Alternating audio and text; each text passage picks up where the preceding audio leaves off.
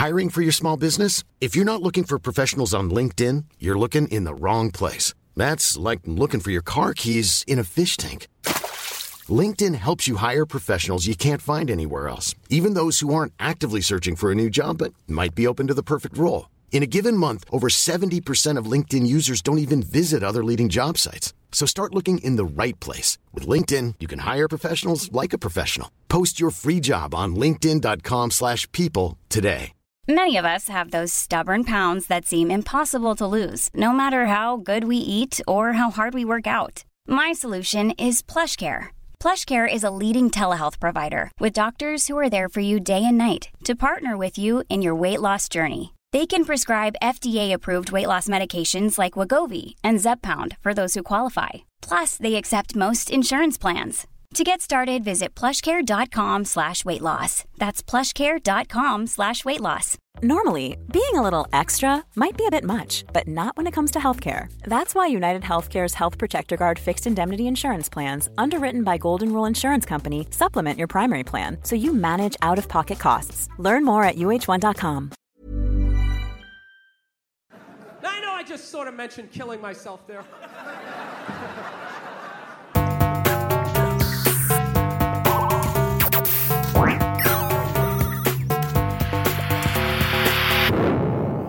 Velkommen til Sinnsyn. Jeg heter Sondre Risom Livre, er psykolog, og dette er Webpsykologens podkast. Hverdagspsykologi for fagfolk og folk flest.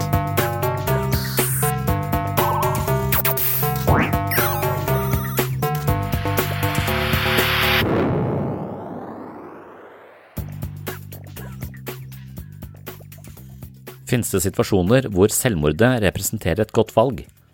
Har vi lov til å ta vårt eget liv? Selvmordet handler ikke bare om personlige kriser og psykologi, men også om livssyn og sosiologi.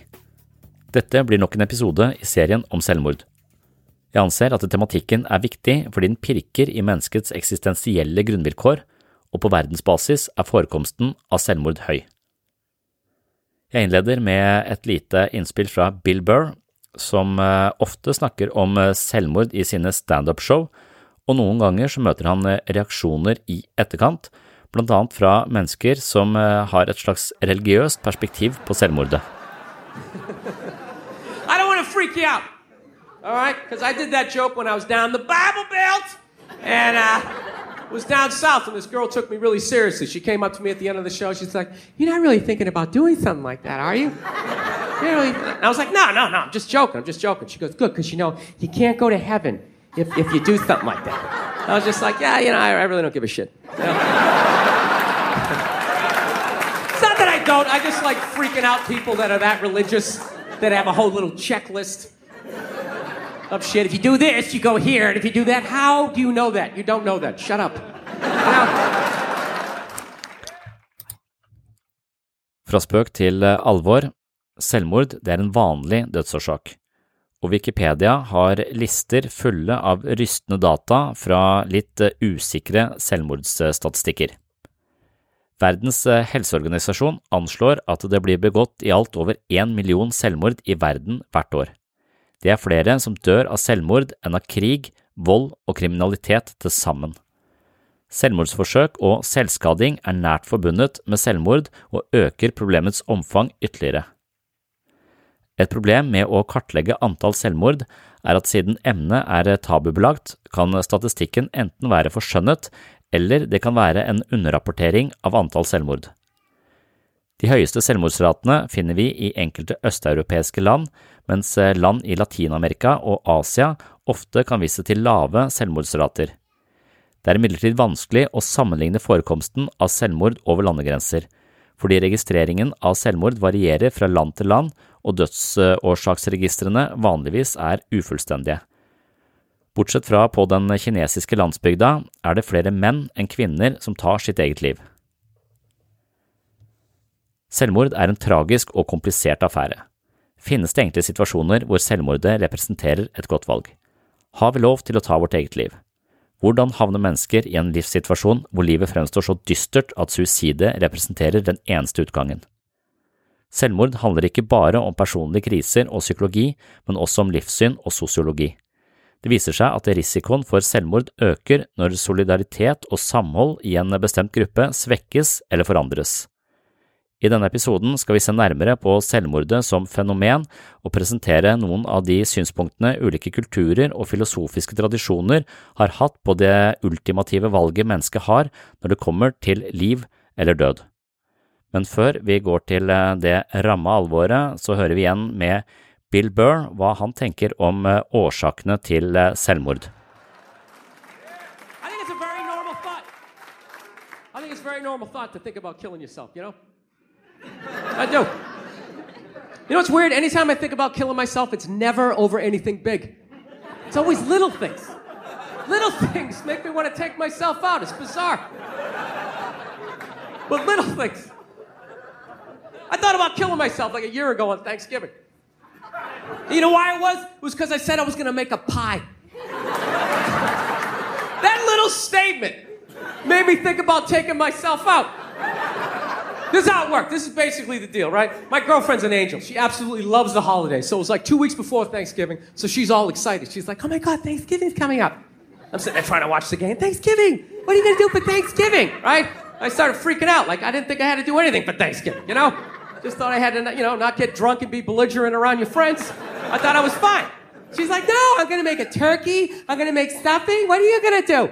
So I panicked. I'm like, I'll fucking make a pie. I don't know how to make a pie. I was just trying to make it go away, you know? You ever do that? You just agree with them, thinking it'll make them leave. Like, yeah, awesome, what you said. High five, fuck off. And you go back to watching the game. Yeah. No, but it totally worked. It totally worked because she walked away completely excited. She was like, you know, she ran away all excited, and I totally forgot about it, right? Two weeks later, Thanksgiving comes up, right? She just wakes up. She's like, oh my God, it's Thanksgiving. It's Thanksgiving. You're going to make that pie, right? You said you're going to make a pie. And I was like, fuck! I got to make a pie. I got to go to the grocery store. I got to buy some flour. Then I just started thinking, man, what if I just slam my head right through this plate glass window and just bled out right down the side of the house, you know? I wouldn't have to make the pie. Det finnes en veldig sterk sosial komponent ved selvmord. Sosiologi som fagfelt bygger blant annet på studier som viser at selvmordsstatistikker varierer i takt med sosiologiske komponenter. Det viser seg at selvmord ikke bare er en psykologisk og personlig tragedie, men et resultat av mange faktorer i omgivelsene rundt individet. Vi oppfatter oss selv i lyset av reglene og normene vi lærer gjennom deltakelse i samfunnet. I sosiologi handler det om våre dannelsesprosesser i relasjon til kulturelle normer. Habitus er et begrep som brukes i denne sammenhengen. Det refererer nettopp til menneskers tillærte tanke- og handlingsmønstre. Habitus-begrepet ble brukt allerede av Aristoteles og senere Thomas Aquinas, mens begrepet slik det anvendes i dag ble introdusert av Marcel Mauss og senere videreutviklet av Pierre Bourdieu. Habitus refererer til kulturelt innleirede måter å forstå og orientere oss på i verden. Disse mønstrene, eller disposisjonene, er langt på vei et resultat av kulturell læring og en slags adapsjon av sosiale strukturer. Habitus er et begrep som på mange måter slekter på konseptet om en kollektiv ubevissthet, altså en atferdsmodulerende instans som formes i tråd med individers og gruppers erfaringer. Når Bourdieu bruker habitusbegrepet, er det fortrinnsvis i forhold til analyser av relasjoner mellom individers sosiale status i det offentlige rom og deres egne private valg og preferanser. Det er ofte snakk om hvordan individer posisjonerer seg selv i samfunnet, og hvordan enkeltindividets egen statusorientering er med på å opprettholde makthierarkier. Generelt kan man si at individets habitus preges av den dominerende habitus i den sosiale konteksten hvor individet lever.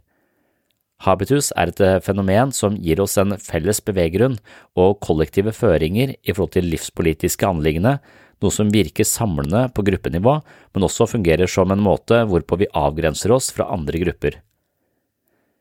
Etter at vi har etablert en forankret selvfølelse og utviklet en følelse av hvem vi er som individer, så er vi i stand til å bidra til oppbyggingen av den sosiale virkeligheten sammen med andre mennesker og derigjennom tilføre livet vårt mening og våre handlinger betydning. Mye av livet avhenger av hvilke type sosiale grupper vi tilhører, styrken på de mellommenneskelige båndene innad i disse gruppene og graden av avvik fra gruppens etablerte normer. Summen av disse faktorene utgjør den sosiale bindekraften eller solidariteten vi har overfor de andre, og hvordan vi ser på oss selv som medlemmer av gruppa. Den franske sosiologen Emil Durkheim var særlig opptatt av det sosiologiske perspektivet på selvmord. Durkheim oppdaget at krise og forandring, enten er positiv eller negativ, kan svekke sosial solidaritet og øke selvmordsfaren. Han mente også at disse sosiale og mellommenneskelige båndene utvikler seg over lang tid, slik at plutselige forandringer kan medføre lidelse, utrygghet og ubehag både på individ- og gruppenivå. I perioder med svake eller ikke-eksisterende sosiale bånd er gruppemedlemmene mer utsatt. Egen identitet, hvem man er i forhold til gruppa og nødvendige selvbekreftelser fra andre avtar når gruppens samhold svekkes, noe som altså representerer en større risiko for selvmord. Til og med en økonomisk oppgang kan forstyrre den sosiale orden og øke selvmordsstatistikken, og krig kan faktisk føre til at mennesker knytter tettere bånd. Durkheim oppdaget at selvmordstilfeller økte hos bestemte sosiale grupper, single mennesker, protestanter og de som bor i byer. Konklusjonen er at gruppesamhold, gruppers organisering og livsvilkår har en direkte innflytelse på enkeltindividet og at store forandringer i det sosiale samspillet representerer en trussel og et eh, fremmedgjørende element som faktisk synes på selvmordsstatistikkene. Og da er det ganske interessant å legge merke til at eh, store forandringer i et samfunn, selv om det da er en kjempeopptur, skaker balansen på en sånn måte at eh, utrygghet etableres og selvmordsraten øker mens man motsatt kan se en uh, annen tendens når et land f.eks. er i krig, hvor samholdet innad i gruppa styrkes i forhold til en ytre fiende, noe som også ser ut til å redusere antall selvmord i, i gruppa eller på gruppenivå. Mangel på sterke bånd med andre mennesker eller grupper, og plutselige forandringer i grupper gjør at man sliter med identiteten sin, meningen med livet og en følelse av å høre til. Durkheim sa, ingen mennesker er selvforsynte alene, det er fra samfunnet man mottar alt som er nødvendig. Denne oppdagelsen ledet Durkheim til å argumentere for at nivåer av sosial integrering og regler påvirker selvmordsstatistikken. Han mente at det finnes fire typer selvmord. Det første kaller han for egosentrerte selvmord, og det er ofte et resultat av for lite sosial integrering, når sosiale bånd er svake eller ødelagte, og her kan et eksempel være selvmord hos isolerte eldre som da har mista mye av nettverket sitt og befinner seg på et hjem uten for mange forbindelser til andre mennesker. Det andre selvmordet han nevner, det kaller han for alturistisk selvmord, og det er et resultat av for mye integrering. Det er når jeget eller individets identitet er oppslukt av gruppenormen, og et eksempel på det kan jo for eksempel være selvmordsbombere. Så har han en kategori som kalles anomiske selvmord, og det ser man i samfunn preget av raske forandringer, normoppløsning og misforhold mellom enkeltmenneskets forventninger og de nye sosiale rammene mennesket lever i. Her er det igjen for lite integrering, eksempelvis når en sosial gruppe ikke er i stand til å integrere et individ på en tilfredsstillende måte, hvorpå individet blir latt alene utenfor og lider av mangel på mening. Eksempler på det kan være hos uh, folk som har brutte bånd, som fører til tap av ulike sosiale arenaer, og da er igjen alderdom et uh, ganske nærliggende eksempel, og kanskje nyskilte. Så har han en kategori han kaller fatalistiske selvmord. Det er et resultat av overdreven regulering og et behov for kontroll når presset etter å tilpasse seg sosiale regler er ekstremt og individet sliter med dette presset. For eksempel mennesker med høye akademiske krav som begår selvmord etter å ha strøket på en eksamen, eller medlemmer av strenge religiøse menigheter som begår selvmord basert på en følelse av skyld hvis de ikke klarer å leve opp til gruppas høye dydighetskrav. Mange studier har funnet bevis som støtter Durkheims sosiale teori for selvmord. I tidligere tider hadde Norge kun en tredjedel av selvmordstilfellene som Danmark og Sverige hadde, selv om innbyggerne i disse tre landene er like når det kommer til genetikk, kultur og geografi. Den sosiale teorien foreslår at tette familieforhold i Norge skapte denne forskjellen. Ideen var at Norges isolerte posisjon Selvforsørgelse og bosetting i små og oversiktlige miljøer var med på å etablere trygge sosiale nettverk som motvirket selvmordsfaren. Danmark og Sverige derimot lå nærmere det kontinentale Europa, noe som gjorde samfunnet mer tilgjengelig for impulser utenfra. Forskjellen mellom de skandinaviske landene er imidlertid jevnet ut i løpet av de siste 20–30 åra. Nå ligger Norge, Danmark og Sverige omtrent likt i forhold til selvmordsraten. I 2002 hadde Sverige 13,3 selvmord per 100 000 innbygger, Norge hadde 11,6 eh, selvmord per 100 000 innbygger i 2005, og Danmark hadde 10,6 i 2006, og det er altså da per 100 000 innbyggere, så her ligger vi nå i nyere tid ganske likt. På 1980-tallet økte antall selvmord i USA med 360 tilfeller for hver 1% økning i arbeidsledigheten. Og det er så et uh, moment som er interessant å merke seg, at uh, selvmordsratene i et uh, samfunn stiger og faller i takt med økonomiske nedgangstider og oppturer. Det finnes også en større risiko for selvmord hos innvandrere, noe som er ganske åpenbart ifølge denne sosiale eller sosiologiske teorien på selvmordsfaren. En studie av canadiske ungdommer avslørte at de som opplever tvetydighet i forhold til egen identitet, sosiale posisjon og framtidige roller i livet, har en større tilbøyelighet til selvmord sammenlignet med de som er forskanset i en tradisjonell kultur med høy grad av gruppeinvolvering, planlegging og forutsigbarhet i forhold til livsløp. You have summoned the prince of temptation. For what purpose? Oh, shit. Uh, I have addiction demons and I don't understand them. Then allow me to explain the darkness of the human soul.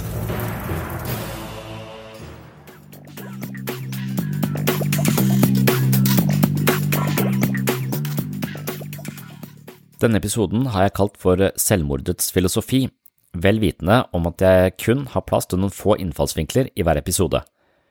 Det er derfor ikke et forsøk på en fullstendig redegjørelse for de underliggende strømningene i et suicidalt sinn. Før jeg går til Platon, stoikerne Hume og de andre husfilosofene på vestlige universiteter, skal jeg kort innom Jordan Peterson, den litt kontroversielle kristenkonservative psykologen som har hatt suksess med boken Twelve Rules for Life. Han mener at det hviler en ganske naturlig og destruktivt forlokkende livsfilosofi bak den eventuelt suicidale konklusjonen.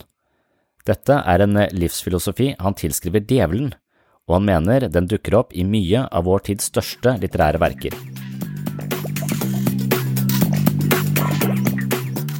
You know, there's this, there's this play written by a German named Goethe. I, I can never say that properly. It's Johann van G O E T H E, and I can't say it. But he wrote this play called Faust, and, and, he wrote one part of it when he was quite young, and then Faust 2 when he was quite old. And he has a character in there, Mephistopheles, and Mephistopheles is the devil. And he actually has the devil explain himself twice, basically using the same words, which, which I really like. It was very profound. And basically, Goethe's Mephistopheles says, you know, he's the adversary of the word. That's a good way of putting it. Um, because that's how it works out mythologically. He's the figure behind the snake in the Garden of Eden, which is something we'll talk about more. But he has a, he has a sophisticated philosophy. He's not just some random troublemaker. He, he's, got a, he's got a deep philosophy, and his philosophy is quite straightforward. And it's compelling. It's compelling. And, and people are gripped by it quite often, far more often than they think. His philosophy is, well, look around at the world. It's like Ivan Karamazov in the Brothers Karamazov um, when he's trying to disabuse his younger brother of being a, a, a Christian monk. Mephistopheles says, Well, look at the world. I mean, all you look around the world, it's nothing but a bloodbath. It's just suffering everywhere. Everything eats everything, and people die terribly, and, and they're cruel to one another, and the whole mess is nothing but a, a constant haul of terrible carnage and, and ruin and, and, and, and, and, and wreck. He says it would be better if it was never existed at all. And that's a very interesting, that's a very, very interesting idea. And I do believe, and I've seen this in people many times, that in the depths of despair, especially when you've been betrayed, for example, and you wander into the wrong subdivision of the underworld, that's something that comes to mind. If you know you have a very sick child, for example, or maybe your whole family is suffering as whole families do sometimes. An idea is going to come to you. It's like, good God, who put this mess together? And is it really worth it? Is it really worth the suffering? Suicidal people, you know, they say no. They say, no, enough of this. You know, and you have to be pushed a long way, generally speaking, before you'll actually commit suicide. You have to be in very, very desperate straits. But your answer under those conditions is that being is such that it would be better if it had never been. And that's a very, I think, I think it's a very, it's a terrible philosophy, I believe, because I think what happens if you act it out is that you make the very things that led you to despair far worse. And I can't see that if it's reasonable to draw a logical conclusion that suffering should justifies your desire to make being end, that the answer to that can't be to produce more suffering. That just doesn't make sense. And my observation has been that people who act out the Mephistophelian philosophy inevitably make suffering far worse. And so, and then that raises the other specter of, well, do they want being just to cease or are they just out for bloody revenge at every, at any cost? And my conclusion has always been that, is that the mask is, well, being shouldn't exist because it's too terrible, but the true motivation is I'm going to make everyone suffer as much as I possibly can before I say goodbye to this place. And if you read the writings of people like the kids who showed up to Columbine High School, they'll tell you exactly that that's precisely and exactly what they concluded and then acted out. Then allow me to explain the darkness of the human soul. So you've got dopamine, right? That's the chemical that gets released in your brain whenever you do something pleasurable, like eating, sex, and that's just nature, right? Like rabbits and fish and shit. They need dopamine so that they want to consume and reproduce. Okay. But because humans have progressed and now have access to all the shit they want whenever they want it, it's easy for them to overdo and have dopamine problems. You know, it's not fucking rocket science, this stuff. So there's nothing spiritually wrong with me? Fuck no. It's like, okay, it's like being diabetic. You know, it's like you can eat wrong and eat wrong and chemicals get released from your liver in a weird way. You know, you've been eating gluten and shit. And then eventually you've got a chemical imbalance from your liver. And something clicked and now you're diabetic forever, right? So like if you keep doing something too much, eventually there's um a dopamine fuck up, right? And you're kind of screwed up for life. So what does that mean? I, I can get addicted to everything so I can't enjoy anything? Yeah, that's pretty much what it means. The addict people said something about me filling a hole. Well, who's not filling a fucking hole, right? You know, I mean, what kind of bullshit is that? So let's talk about genetics now. You still have time? Yeah, no, this is great. Okay, let me get some visual aids. Give me just a sec. Hvorvidt individet har rett til å begå selvmord eller ikke, har vært diskutert opp gjennom tidene. Det er mange argumenter både for og imot. Platon mente at selvmord var et tegn på svakhet eller feighet, et tegn på individets manglende evne til å takle livets medganger og motganger. Aristoteles mente at selvmordet var en slags forbrytelse mot samfunnet. Disse filosofene definerte individet etter deres sosiale roller og plikter. Stoiske personligheter, som for eksempel Cicero, trodde at vår natur er avhengig av å ha bestemte naturlige fordeler, og at en klok mann gjenkjenner når naturlige fordeler, som for eksempel helse og levebrød, mangler. Å avslutte ens liv betyr ikke at man er umoralsk, men klok. Cicero trodde at livskvalitet var overordnet kvantitet. Han sa at bare å leve er ikke et gode, men å leve godt er det. Millions of people have lost weight with personalized plans from Noom, like Evan, who can't stand salads and still lost 50 pounds. Salads, generally, for most people, are the easy button, right? For me, that wasn't an option. I never really was a salad guy. That's just not who I am. But Noom worked for me. Get your personalized plan today at Noom.com. Real Noom user compensated to provide their story. In four weeks, the typical Noom user can expect to lose one to two pounds per week. Individual results may vary. Burrow's furniture is built for the way you live. From ensuring easy assembly and disassembly to honoring highly requested new colors for their award-winning seating, they always have their customers in mind. Their modular seating is made out of durable materials to last and grow with you. And with Burrow, you always get fast, free shipping. Get up to 60% off during Burrow's Memorial Day sale at burrow.com slash ACAST. That's burrow.com slash ACAST. burrow.com slash ACAST. Quality sleep is essential. That's why the Sleep Number Smart Bed is designed for your ever evolving sleep needs. Need a bed that's firmer or softer on either side? Helps you sleep at a comfortable temperature? Sleep Number Smart Beds let you individualize your comfort so you sleep better together. JD Power ranks Sleep Number number 1 in customer satisfaction with mattresses purchased in-store. And now save 40% on the Sleep Number limited edition Smart Bed for a limited time. For JD Power 2023 award information, visit jdpower.com/awards. Only at Sleep Number stores or sleepnumber.com. Kristendom har fordømt selvmordet som en dødelig synd. Thomas Aquinas mente at selvmord er en fiende til medfødt kjærlighet for seg selv, at det skader samfunnet og krenker vår plikt til Gud når det gjelder å sette pris på livet. I kristendom er ikke våre kropper og våre liv noe vi eier selv, men noe vi har fått til låns av Gud. Den protestantiske religionen var påvirket av ideer om personlig frihet under opplysningstiden. Denne religionsvarianten minsker alvorligheten av synden ved selvmord, ettersom det her inngår en tro på barmhjertighet og muligheten for å få tilgivelse fra Gud for en slik overtredelse. I 1607 stilte John Donne spørsmålet ved kristendommens idé om selvmordet som en synd. Han mente at ved hjelp av kristne resonnementer så vil enhver type selvfornektelse regnes som en synd mot Gud, og påpekte at de kristne har jevnlig valgt å bryte budet du skal ikke drepe når det kommer til martyrdød, dødsstraff og krig.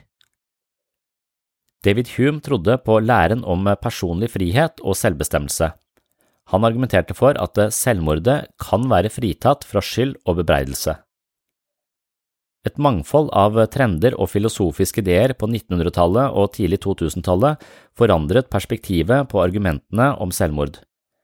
I stedet for å diskutere en persons vilje opp mot Guds vilje, så begynte man å se på selvmordet som et resultat av den lidelsen et samfunn påførte et individ. Mennesker som tok sitt eget liv, ble ikke sett på som svake og skyldige, men snarere som ofre. Denne måten å betrakte selvmordet på førte nesten til at selvmordskandidatene fikk rettferdiggjort sine handlinger som en konsekvens av samfunnets press. Romantiske romaner beskrev ulike scenarioer hvor selvmord var den uunngåelige reaksjonen på en misforstått og lidende sjel, ødelagt av kjærlighet og tilbaketrukket fra samfunnet i sorg og melankoli. Psykiatri oppsto som et eh, spesialområde hvor man antok at eh, mentale lidelser forårsaket selvmord. Sosiologien introduserte teorien om at eh, fremmedgjøring i den moderne verden økte risikoen for selvmord. Eksistensialister i det 20. århundre så på selvmordet som en reaksjon på verdens absurde beskaffenhet og menneskets meningsløse bedrifter. For eksistensialister var mye av det mennesket foretok seg av hverdagslige gjøremål dypest sett meningsløst fordi tilværelsen ikke er utstyrt med et overordnet mål.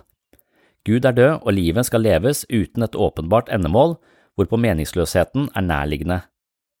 Camus trodde at selvmordet dypest sett var en flukt fra erkjennelsen om livets absurditet, mens Sartre betraktet selvmordet som et uttrykk for menneskelig vilje.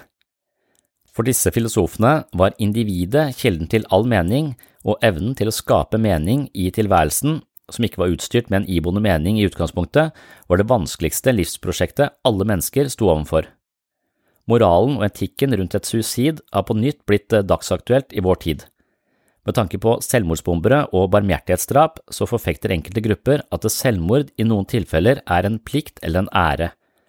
Det finnes flere anledninger hvor noen mennesker rett og slett forfekter at selvmordet i noen sammenhenger er nødvendig og fornuftig. En soldat som ofrer livet sitt for andre, en lege som støtter en dødelig syk pasients ønske om å ende sitt eh, liv og sine lidelser, det som kalles aktiv dødshjelp, og lignende situasjoner representerer situasjoner hvor døden som et valg tilsynelatende baserer seg på en rasjonell og veloverveid avgjørelse. Men hvor rasjonell er en person som lider og er deprimert? Hvor rasjonell er personen som er så oppslukt av håpløshet at man ikke kan vurdere muligheten for eh, lykke i fremtiden eller innse at eh, smerten på et eller annet tidspunkt kan komme til å gå over? Evnen til å innta flere perspektiver på en sak er på sett og vis kjennetegnet på psykisk sunnhet. Når man i en tilstand av depresjon eller håpløshet velger døden som utgang, er det ikke sikkert at man psykologisk sett var særlig godt rusta til å ta en veloverveid avgjørelse hvor mange perspektiver ble vurdert før det ble tatt et valg. Mennesker med selvmordstanker er ofte engstelige og impulsive. De kan se på døden som veien til et nytt liv istedenfor slutten på det gamle livet. Selvmordsimpulser kan forsvinne av seg selv hvis man ikke gjør noe med dem. Depresjon er ofte en faktor ved selvmord, og depresjon påvirker menneskers evne til å tenke fornuftig og nyansert på livet og tilværelsen. Philip Devine argumenterer for at selvmord er en irrasjonell handling fordi mennesket ikke har kunnskap om døden. Så lenge vi ikke har erfart døden, mangler vi en nødvendig referanseramme for å ta en velbegrunnet avgjørelse i spørsmålet om liv og død. Ergo er selvmordet irrasjonelt fordi individet umulig kan sammenligne livet med det alternativet. Personlig vil jeg mene at selvmordet er et såpass komplisert fenomen at det er umulig å argumentere for eller imot på grunnlag av kun ett eller to eller tre eller kanskje ti perspektiver. Vi er alle kulturelt forankra i en annen grad. Vi har egne meninger og en særegen personlighet, og dermed vil det alltid foreligge mangfoldige faktorer som påvirker rollen til og meningen med selvmord i vårt liv og i vår forståelse. Selvmord er uansett et tap, og det er et symptom. Det forårsaker et slags eh, sår på samfunnet og påvirkes av kulturell utvikling. Til syvende og sist vet vi ikke nok til å dømme eller bifalle selvmordet, men det er alltid noe å sørge over. Sosial solidaritet og samhold har utvilsomt innvirkning på forekomsten av selvmord, og derfor er handlingen kanskje en oppvåkning for samfunnet når den inntreffer. Fra psykiatriens eh, ståsted, som også er det stedet hvor jeg står, så vil det siste her være noe av det viktigste. Jeg tenker at et selvmord alltid bør være en slags oppvåkning for eh, alle oss som står rundt og opplever det som, det som skjer. Det er ikke dermed sagt at det er eh, omgivelsene sine skyld at noen, eh, noen tar sitt eget liv, men de menneskene jeg har møtt som er på kanten av livet, de er nesten alltid tynget av en form for ensomhet eller utenforskap eller en følelse av å være ensom blant mennesker. Og selv om de har mange mennesker rundt seg som bryr seg, så har de ofte en eller annen type selvforståelse eller psykologisk programvare som gjør at de spiller et spill, ikke føler at de kan være seg selv fullt og helt, ikke er helt oppriktige og dermed skaper en slags mur mellom seg og omgivelsene og bak den muren så er det ensomt, selv om de tilsynelatende kan virke svært eh, sosiale, og jeg tror at denne følelsen av å ikke høre til i flokken som er det eh, tyngste, den, det tyngste vekta på vektskåla når det kommer til å ta sitt eget eh, liv. Så dersom vi klarer å nå inn til et menneske, skape en relasjon som har betydning til denne personen, så tror jeg uansett er det mest selvmordsforebyggende vi kan gjøre i veldig mange tilfeller, men selvfølgelig ikke alle tilfeller, det er mange andre årsaker til at folk også begår selvmord. Men eh, i min eh, verden, som da er psykiatrien, i min arbeidsverden, så er det ensomhet blant de eh, avgjørende faktorene, og Derfor så er mitt valg om å jobbe i gruppe ikke bare fordi jeg liker grupper, men også fordi jeg tenker at det å klare å koble mennesker som er deprimerte, trukket seg tilbake, har angst, usikkerhet, lav selvfølelse, alle disse faktorene som gjør at du ikke klarer å, å koble deg på flokken, de er helt avgjørende, og de er selvmordsrisikofaktorer alle sammen. Og hvis vi da i behandlingssammenheng klarer å koble disse menneskene inn i en flokk hvor de får en betydning og hvor de føler seg eh, som en del av en større gruppe, så tror jeg det også er det mest selvmordsforebyggende vi kan bidra med. Så Derfor så slår jeg alltid et slag for gruppeterapi, nesten på tvers av alle eh, diagnoser, eh, spesielt når eh, vi ser at mennesker eh, lever ganske isolert og alene. Når det kommer til eh, selvmord, er det også et spørsmål om eh, straffbarhet. I tidligere tider var selvmordet forbudt i Norge, og selvmordsforsøk var straffbart. Med straffeloven av 1902 ble dette forbudet oppheva, ettersom paragraf 233 retter seg mot den som forvolder en annens død. Derimot er eh, det etter paragraf 236 straffbart å bistå en annen med å begå selvmord. Denne paragrafen har kommet til anvendelse tre ganger på 2000-tallet, der eh, sivilpersoner har blitt domfelt for å ha bistått en annen med å ta sitt liv. Bistand til selvmord kan også skje i en mer medisinsk setting, utført av lege overfor personer med alvorlig sykdom, og faller da inn under begrepet aktiv dødshjelp, som omfatter eutanasi og assistert selvmord. Alle former for aktiv dødshjelp er ulovlig i Norge, som demonstrert i forbindelse med straffesaken mot legen Christian Sandsdalen, som i 1996 utførte eutanasi på pasienten Bodil Bjerkmann. Oppfordringer til selvmord er også svært alvorlig og kan i Norge straffes som medvirkning til drap. Både det å forklare eller overbevise personen om at det er riktig å gjøre, altså riktig å ta sitt eget liv, for grunner som eh, er best for den selv og for andre, eller av moralske eller religiøse grunner, og å stimulere en eh, åpen suicidal person med selvmordsplaner til å gjennomføre selvmordet er straffbart og kan defineres som medvirkning til drap. Selvmord som blir begrunnet av eh, personen selv eller den suicidale personen, for eksempel gjennom et avskjedsbrev hvor vedkommende sier at eh, handlingen er en direkte konsekvens av mobbing eller overgrep, kan også straffes som medvirkning til drap hvis handlingene som beskrives i dette selvmordsbrevet, kan bevises. Look at these lockers. They all look alike, right? Not this one. This one, special, belonged to a girl who killed herself. Clay, come on.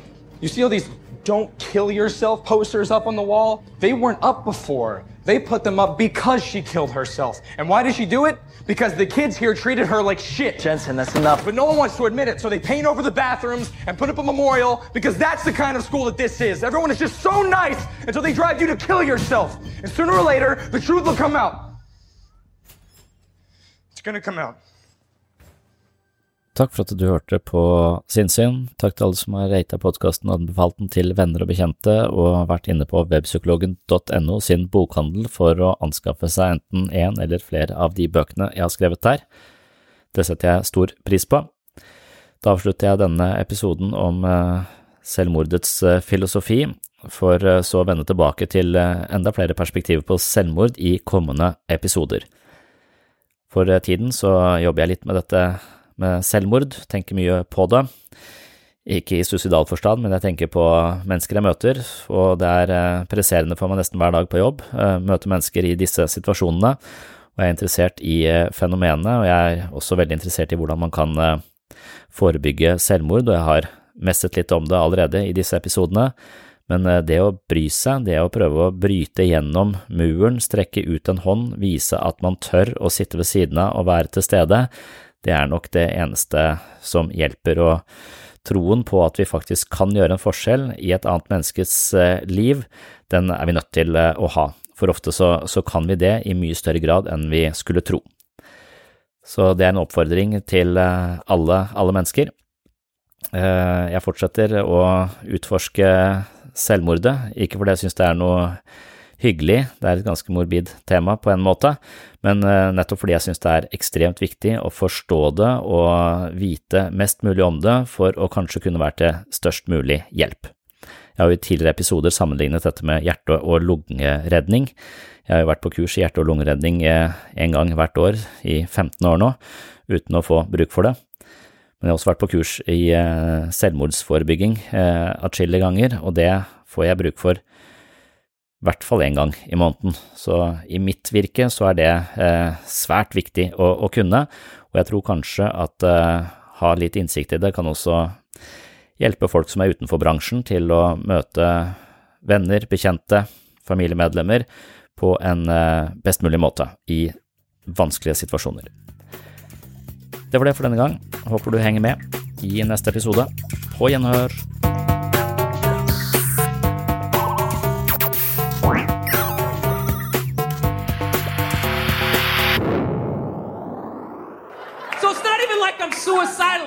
I'm like lazy. You know what I mean? Like whenever I know the next four hours of my life is gonna suck, like I, I think about it. God, I gotta pay my taxes. There's a long line at the bank, and then a bus is coming by. What if I just dove head first, ran into those double back tires?